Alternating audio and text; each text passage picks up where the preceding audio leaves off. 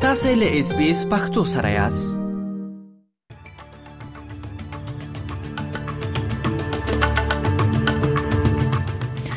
د خبرونو سرټکی د استرالیا حکومت اعلان وکړ چې له دې وروسته به په رسمي ادارو کې هغه وسایلو باندې د ټیک ټاک کارونه بندیز لګیږي کوم چې حکومت لخوا خپل کارمندان ته ویشل کیږي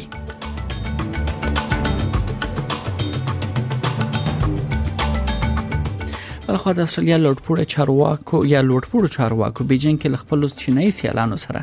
کتلې دي ترڅو ډیپلوماټیکو ستونزو پر اړه کې د روانو سوداګریزو بندیزونو په اړه هم خبره وکړي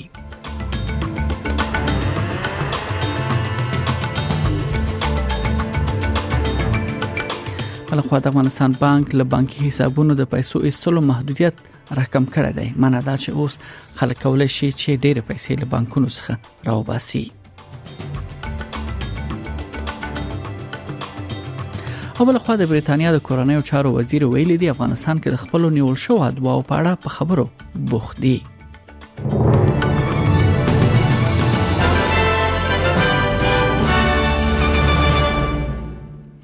دا هم بشپړ خبرونه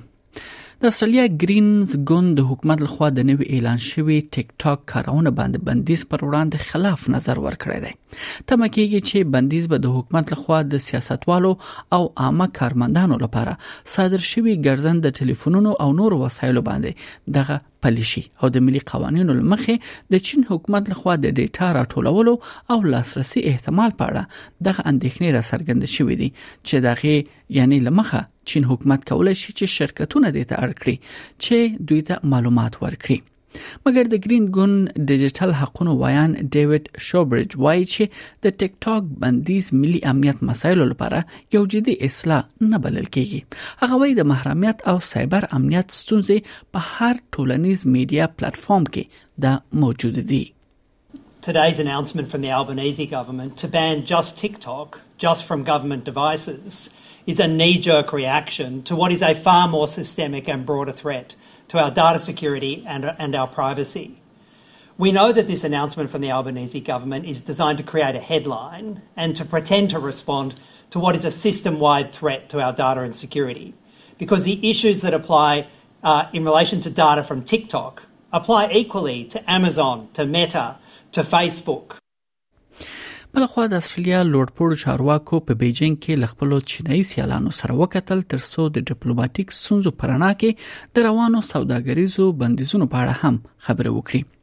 دغه خبرو اترو سوداګرۍ وزیر سناتور ډن فیرل ته هم لار هواره کړه چې راتلونکي اونۍ کې بیجینګ ته سفر وکړي ځکه چې استرالیا تم لري تر څو د سوداګرۍ شخړو کمولو کې یو لوی پرمختګ وکړي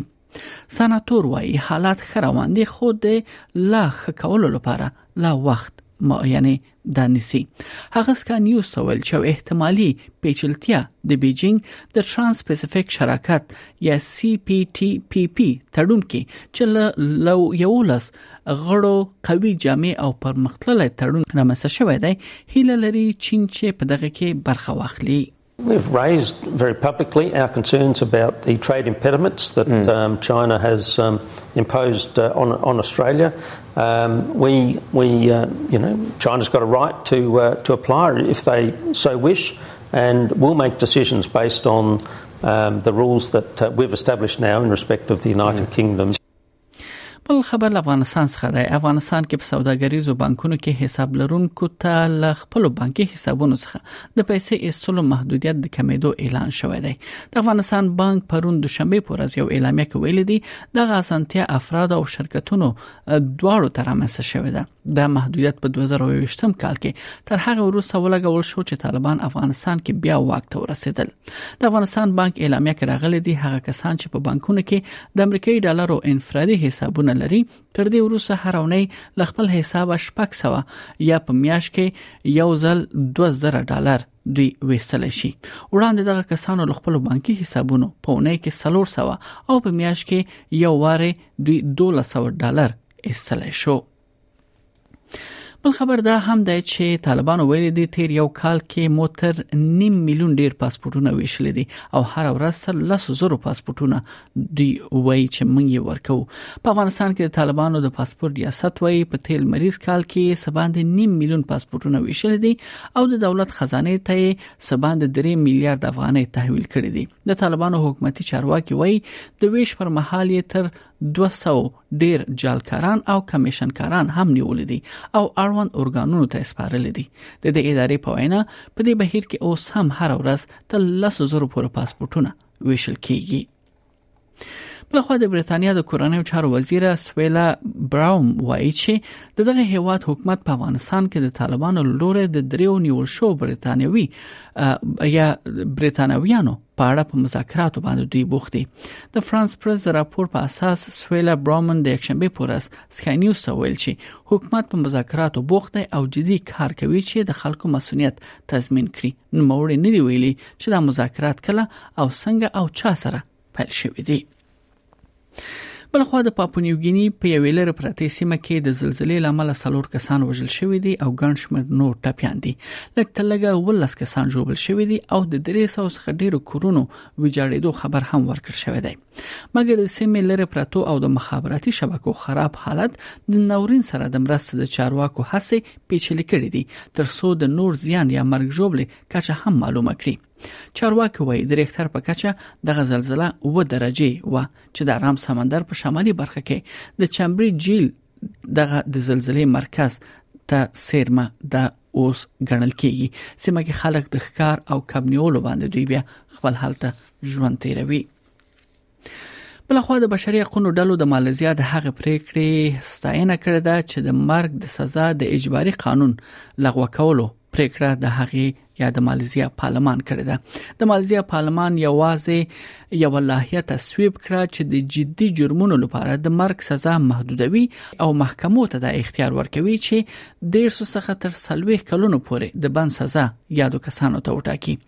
دا اصلاحات کولای شي د مرګ سزا باندې د 13 یا 1300 څخه زیاتو بندیانو ته د احتمالي بخنه چانس ورکړي او بندیانو ته نوي ورځ وخت ورکوي چې د قانون له پلي کېدو وروسته د دوی د سزا یا د دوی د سزا بیا کتنه وکړي د مرګ د سزا د مخنیوي د اسیا شبکې اجرایوي مشر ډوبي جیو وایي چې خای په مالیزیا کې د اعدام سزا په بشپړه توګه د لمنځه وړلو په لور دا یو لومړی ګام وی It's a, uh, it's a reform that has been long time coming, and we are not the only abolitionist country in the, in, in the region, right? Cambodia has not had a death penalty since its uh, well, democratic government, a way to describe it. Uh, Philippines have had not had the death penalty since the People's Power Revolution. They have had multiple attempts to reintroduce it, but collectively, I think their lawmakers have agreed that this is not working for us as a society. We are better off without it. د استرالیا چارواکو ویلي دي چې دوی د مخدره توکو په نړیواله مبارزه کې لوی رول لوبول دی چې په مرکزی او سویلي امریکا کې اتنوي ټنه کوکاین نیولې دي د استرالیا او کولمبیا چارواکو په ګډه د استرالیا د سرحدي ځواک د ګمرکونو د نړیوال سازمان او د ملګرو ملتونو د مخدره موادو او جرمونو په اړه د ملګرو ملتونو د دفتر لخوا په تر سره شو عملیاتو کې د یو بار وړونکي کانتینر دننه شاوخوا 100 کیلوګرامه کوکاین نیول شوې دي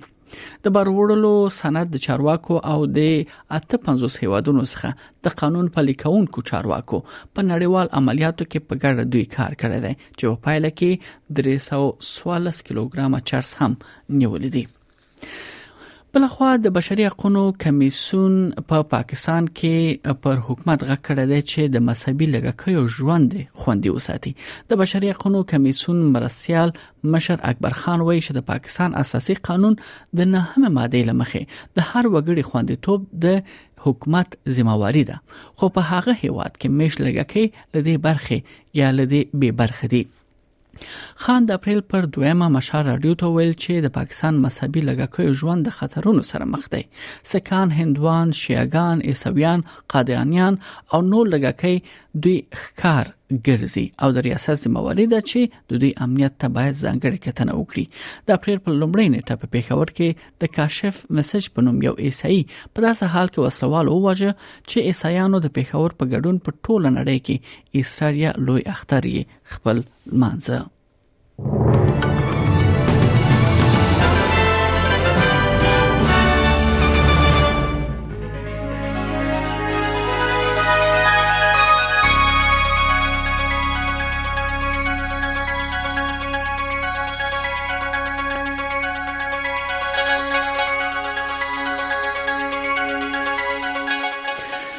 او دا هم د استرالیایي ډالرو پر وړاندې د ځینو بهرانیو اسعارو بیه په نړیوالو مارکیټونو کې یو استرالی ډالر 0.8 امریکایي سنت 0.2 یورو سنت یو استرالی ډالر 850.3 افغاني روپی یو سل 93.25 پاکستاني روپی یو استرالی ډالر 55.8 هندۍ روپی 2.9 اماراتي درهم او یو استرالی ډالر 0.50 انګلیسي پنسه ارزښت لري دا هم د استرالیا د ځینو ښارونو نن لپاره د تودوخه تر ټولو لوړه درجه هغه هم د سانتیګریډ په کچه په سیدنی کې هوا باراني ده درویش په ملبن کې اسمان یا هوا لمریزه ده پنځه ویشت، په برسبن کې هوا باراني ده نهه ویشت، په پرت کې هوا لمریزه ده پنځه ویشت، په اډلېډ کې هوا لمریزه اووه ویشت، په هوبارت کې اسمان برګ دی یوویشت، په کمبېره کې اسمان برګ څلېرویشت او په اخر کې ډاروین هلته د باران او د طوفان اټکل دی او د تودوخې تر ټولو لوړه درجه درې دېرش سانتي ګرېډ اټکل شوې ده.